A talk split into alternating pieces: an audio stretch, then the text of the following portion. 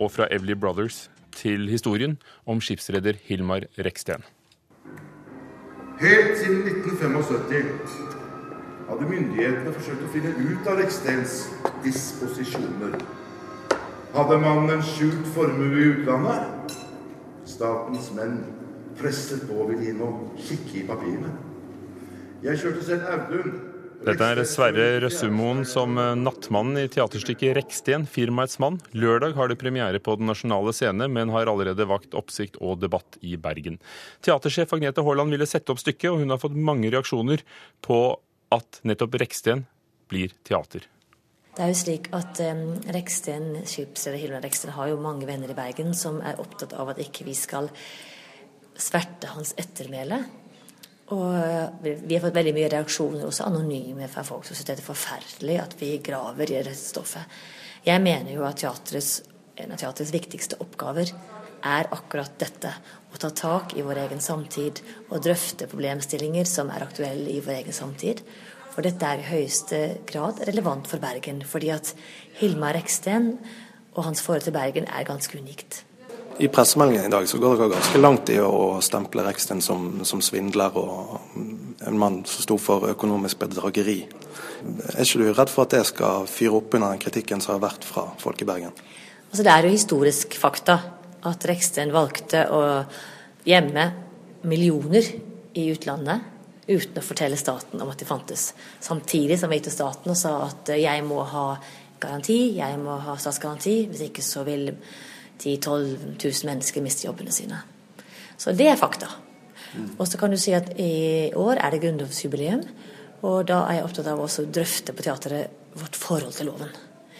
Og det som jeg opplever, er jo at veldig mange mener at fordi at Reksten gjorde så mye bra for samfunnet, fordi han var en god arbeidsgiver, han var elsket av sjøfolkene sine, så bør man kunne tilgi at han også var litt sånn lemfeldig med hva han fortalte og ikke fortalte. Min holdning er jo at uh, det skal være likhet for loven. Men eh, hva, hva stykket forteller, det må du komme og se selv. Teatersjef Agnete Haaland intervjuet av Simen Sundfjord Otterlei. Dette er altså historien om en av verdens største skipsredere. Hilmar Reksten var helt oppe i teten sammen med Onassis.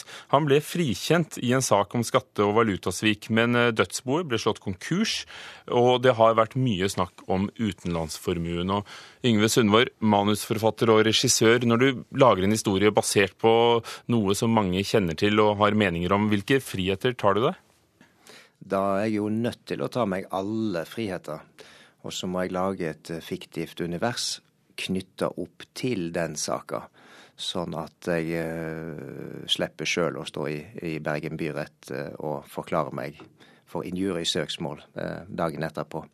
Det handler jo også om at uh, teater er jo bedre egna for fiksjon enn dokumentarisme.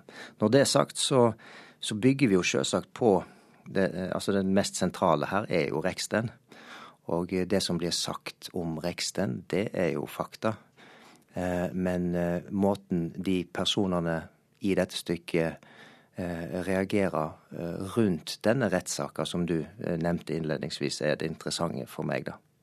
Reksten, firmaets mann, heter stykket. Men Hilmar Reksten er ikke med på scenen. Hvorfor ikke? Eh, nei, da er vi jo nettopp ute i det landskapet der at eh, eh, hvis han skulle vært med, så måtte jeg jo gitt han en psykologi. Jeg måtte jo gitt han eh, eh motivasjoner som jeg ikke eh, kan vite om han har. men jeg kan dikte om personer som står han veldig nær. Og gi de motivasjoner uten å tenke på at det er riktig eller galt i forhold til denne historiske personen. da. Hvorfor mener du at det er godt teater som kan lages av dette kapitlet i Bergens historie? Jo, altså den er jo todelt. Altså Den ene delen er jo sjølve saka som slo ned som ei bombe på 70-tallet. Det var jo vår største uh, svindelsak. Uh, og det var jo i naivismens tid, der en jo fortsatt ikke visste hva, hva det var å, å ha en utenlandsformue. Det var jo et nyord på 70-tallet, det. Eh, og eh, hele den saka, fordi Reksten var så svær, altså helt der oppe med Onassis, eh, så, så, så ble dette her en voldsom sak. Når det er viktig å lage denne saka i dag, så er det fordi at byen Bergen har på en måte klart å bevare det beste av Reksten, som jo var masse, eh, og klart på en måte å skyve vekk at mannen også, i tillegg til å være en god mann, eh, var en svindler av dimensjoner. Og det er den siste biten som jeg mener gjør det så aktuelt i dag. At dette med avhengighetsforhold, lojalitetsforhold, skape eh, på en måte eh, borgere da, her i byen til å bli støttespillere lenge etter Rekstens død. Og dermed så får han et ettermæle som kanskje ikke er helt riktig i forhold til historieboka. Er du forbauset når du ser overskriften i Bergens Tidende i dag 'Boikotter Reksten teater'? altså alle unntatt et barnebarn har takket nei til å være med på premieren, alle i familien. Forbauser det deg?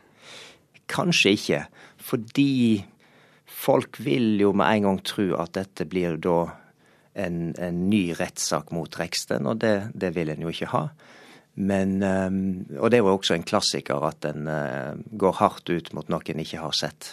Dette er jo en historie om rederen som fikk altså over 740 millioner kroner i statsgarantier i 76, da firmaet holdt på å rase sammen. Samtidig som han sviktet for skatte- og valutasvindel. Eh, hvor, hvor mye av disse faktaene kommer med på scenen? Jo, noen av dem må jo være med. For det er jo ikke noen grunn til å tro at folk går rundt og kan denne saka. Da må du i hvert fall eh, være litt tilårskommen og på en måte direkte involvert. Eh, så litt må med. Men samtidig så er det jo sånn da at um, det blir fort uh, kjedelig og vanskelig å få over uh, alt tallmateriale og alle de intrikate sidene ved en sånn sak på en teaterscene. Så, men jeg tror folk skal få nok til at de blir veldig interessert i den saka. Hvilke reaksjoner har du fått på gaten? For vi har lest om, har lest om teatersjefen Agnete Haaland som hadde ideen til stykket, som har fått brev om be teatret ligge unna og ikke trampe på Rekstens grav. Hvilke reaksjoner har du fått? Når jeg snakker med folk om denne saka, så er det alltid med en forbløffelse over at hvorfor gjør du det, fordi mannen har jo ikke gjort noe galt. Og da blir jeg forbløffa. Uh, og det er den uh, Det er vel egentlig det stykket handler aller mest om også. Men uh, jeg syns det er forbløffende at voksne folk på en måte kollektivt har klart å glemme at dette hadde en nedside, som en uh, snakker om i økonomien. Og hva er din forklaring på det? Eh, min forklaring er jo at en uh, vil huske det en vil huske, og at vi alle står i et uh, lojalitetsforhold til noen.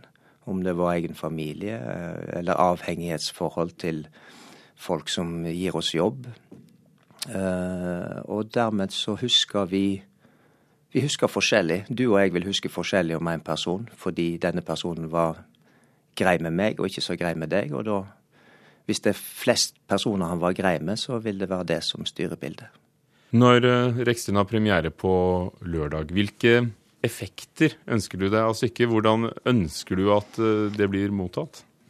Jeg ønsker jo at folk skal si at satan, det var veldig bra teater.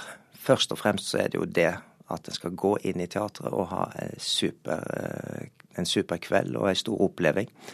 Og så er det det andre som ligger i, i, i, måte, i den bakre delen av hjernen. Det er jo uh, større tanker omkring uh, seg sjøl som individ i sin egen by, og om Reksten-saka spesielt. I arbeidet med stykket, hvor har du hentet materialet? Har, har du truffet folk som var der?